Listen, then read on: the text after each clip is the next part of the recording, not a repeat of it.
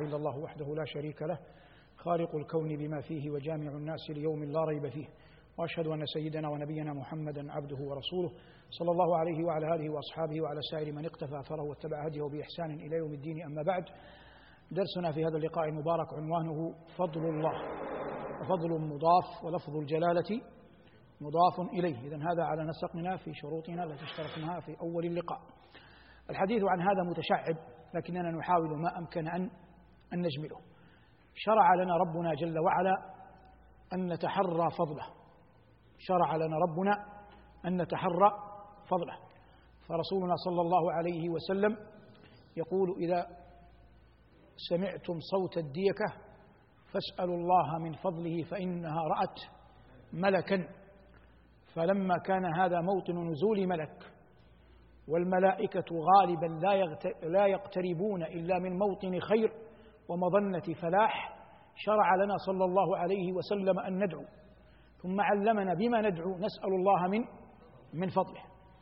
علمنا رسولنا صلى الله عليه وسلم أنه لا يستغني عن فضل الله أحد. فإن الله ذكر لنا في القرآن نبأ نبيه وعبده أيوب وبين لنا عظيم صبره. ورد في الخبر الصحيح عن نبينا عليه السلام أن أيوب لما عافاه الله وشافاه وقام ورد له أهله بعث الله إليه رجل جراد من ذهب. رجل جراد مثل ما نقول سرب طير يعني سرب من الجراد من ذهب. فجعل وهو نبي الله يحثو في ثوبه يعني يجمع الجراد في ثوبه. هذا وهو الذي صبر ثمانية عشر عاما. فقال له ربه وهو أعلم يا أيوب ألم أكن قد أغنيتك عما ترى؟ قال بلى ولكن لا غنى لي عن فضلك يا رب. فالمؤمن يبقى في كل أحواله متعرضا لماذا؟ لفضل الله. ينبغي أن تعلم أن أعظم الفضل العلم بالله. أن أعظم الفضل العلم بالله. قال الله عز وجل عن نبيين كريمين.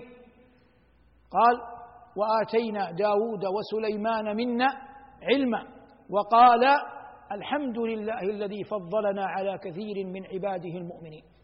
فذكر الله أنه آتاهما علما وذكر أنهما عليهما السلام جعل ذلك فضلا من الله تبارك وتعالى ورحمة.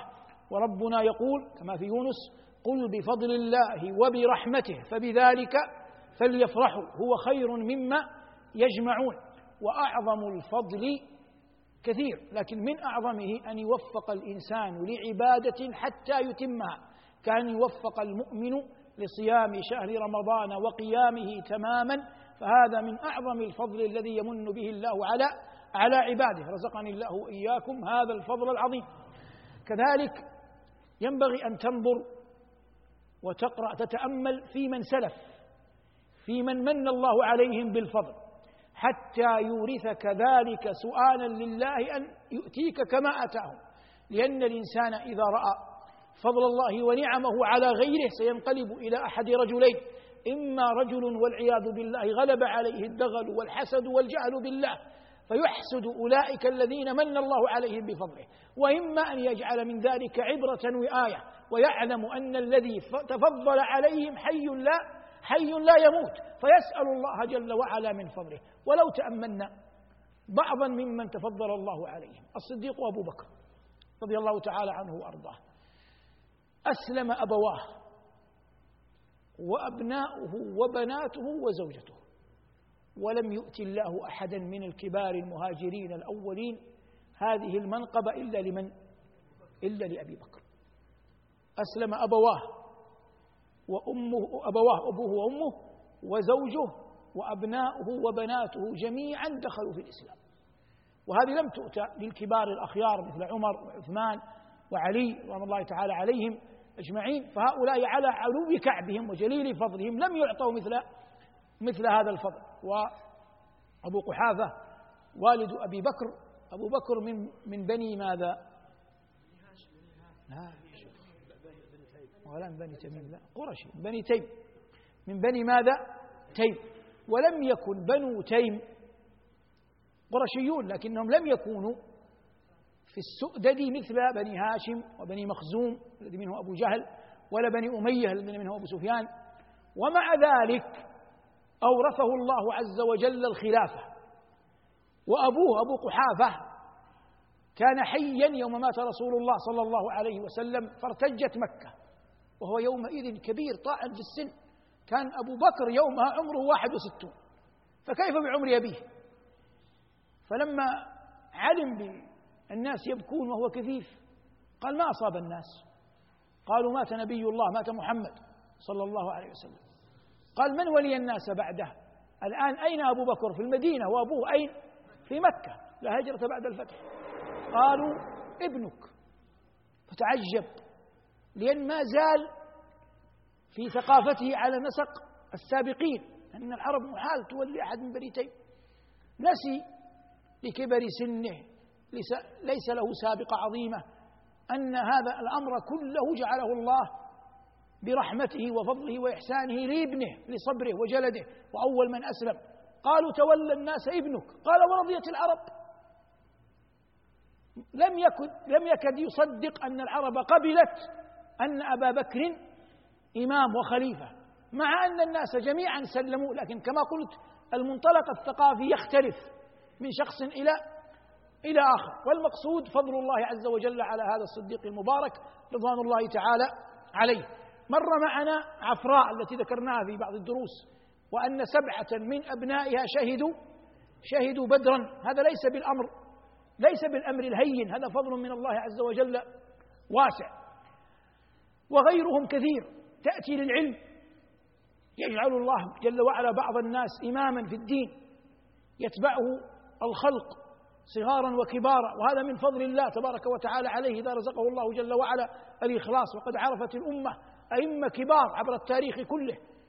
رغم أنهم في أول حياتهم عانوا ما عانوا. لكن بعد ذلك بوأهم الله جل وعلا أعلى المنازل. مالك رحمه الله ألف الموطأ. جمعه أحاديث رسول الله صلى الله عليه وسلم في البلدة المباركة في المدينة. ولا يوجد بين أيدينا كتاب اليوم غير القرآن. أسبق من كتاب مالك يقرأه الناس. فأقدم كتاب طبع ونشر يقرأه الناس اليوم موطأ موطأ مالك. ولا أعلم حتى ساعتي هذه أن كتابا مطبوعا يقرأه الناس كان قبل قبل موطأ مالك رحمه الله. هذا فضل واسع. الإمام البخاري رحمه الله. هل يعقل الآن أن أحدا يطلب علما أو يرقى منبرا أو يتصدر لخطبة جمعة؟ لم يقرأ صحيح البخاري ولا يستشهد به. محال. لا يمكن أن يوصف بأنه طالب علم ولا يمكن أن يوصف بأن قوله قول دين. وهذا الرجل أخرجه الله من بخارى وجعله من صغره يتعلق بالعلم. وهذا فضل الله جل وعلا عليه. ولم يكن الناس قبله يعرفون أن يجمعوا حديثا صحيحا فقط كانوا يخلطون.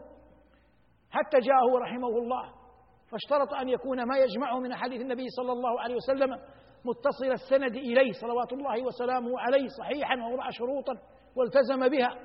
ثم أخذ يكتبه ثم هاجر ثم أتى المدينة فأتى في الروضة النبوية. فإذا كانت الليلة المقمرة أو غيرها أتى بمصباح وأخذ يكتب الحديث. في روضة النبي صلى الله عليه وسلم غير بعيد عن قبره حتى جمع للناس هذا الكتاب رحمه الله تعالى رحمة واسعة. ثم انظر فضل الله جل وعلا عليه هو اليوم في قبره.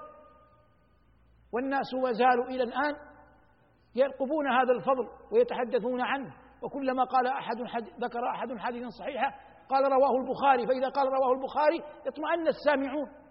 وعلموا أن أي جهد عظيم بذله هذا الإمام في جمع الكلم الطيب الصحيح عن رسولنا صلى الله عليه وسلم. هذا إذا علمته وأنت طالب علم علمت أن الذي أفاء عليه حي لا يموت. كذلك يوجد من أهل الإسلام من من الله عليهم بالثراء من الله عليهم بالمال. وآتاهم جل وعلا من فضله. وحق, وحق عليهم أن يعينوا الناس يعينوا الفقراء يعينوا المساكين يعينوا ذوي القربات يعينوا ذوي الحاجات. من مال الله الذي جل, جل وعلا آتاهم. لأن هذا من دلائل شكر النعمة. قال هذا من فضل ربي ليبلوني. أأشكر أم أم أكفر؟ ومن شكر فإنما يشكر لنفسه. ومن كفر فإن ربي غني كريم. ولقد كان أهل الإسلام من قبل. وفي المقدمة منهم عثمان رضي الله تعالى عنه وأرضاه.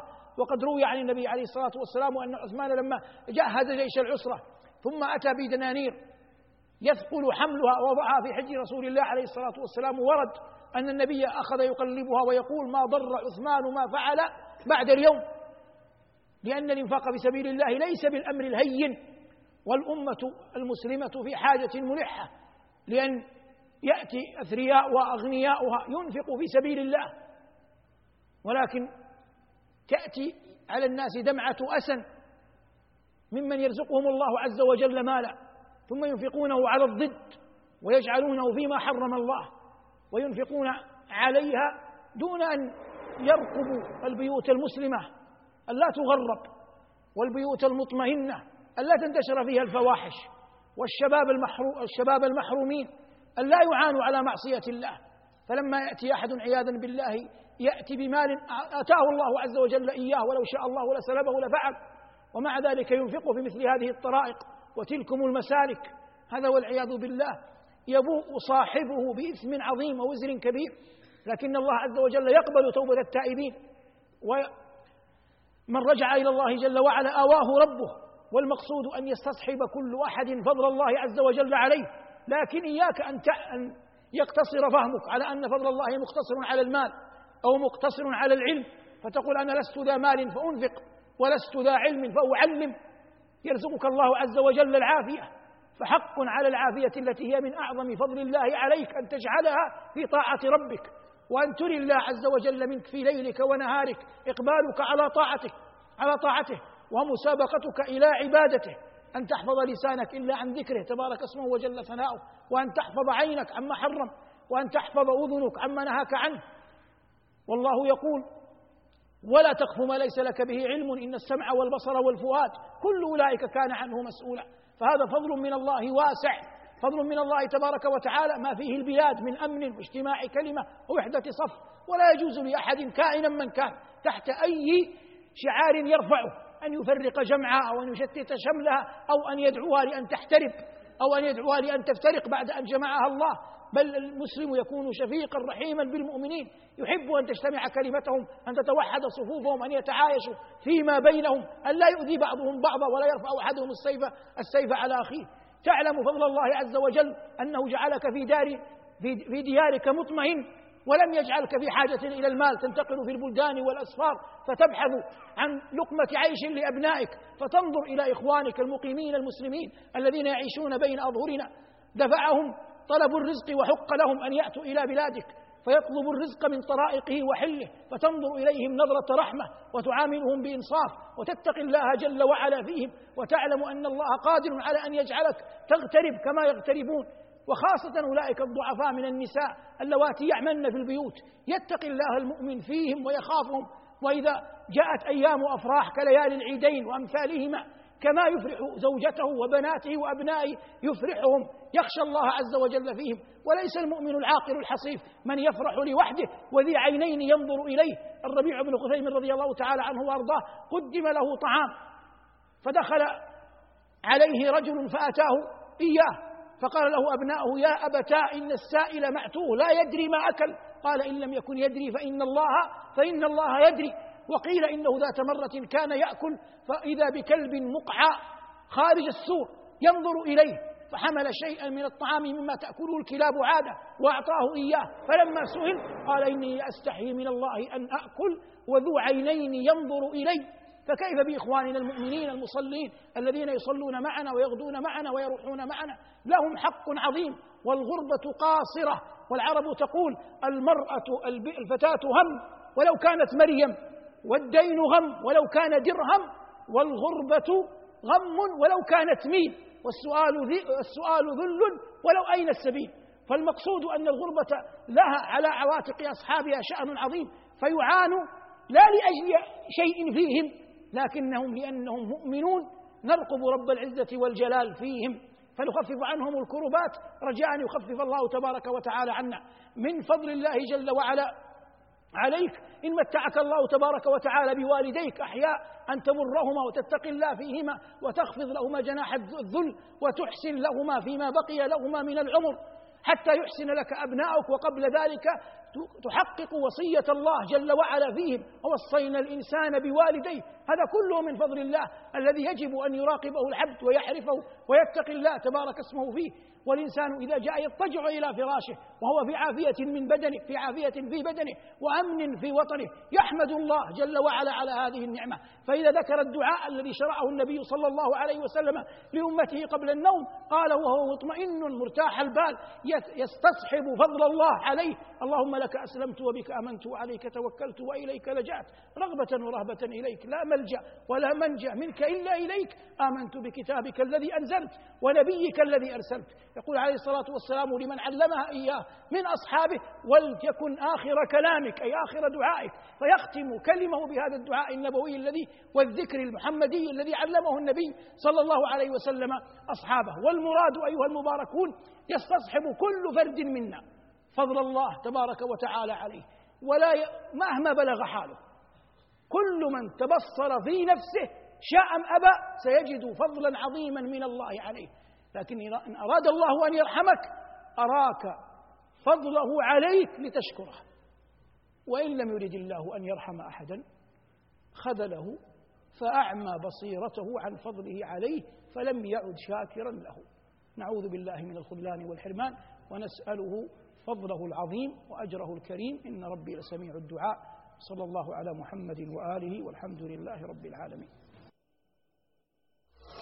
لو أنزلنا هذا القرآن على جبل لرأيته خاشعا لرأيته خاشعا متصدعا من خشية الله. وتلك الأمثال نضربها للناس لعلهم يتفكرون.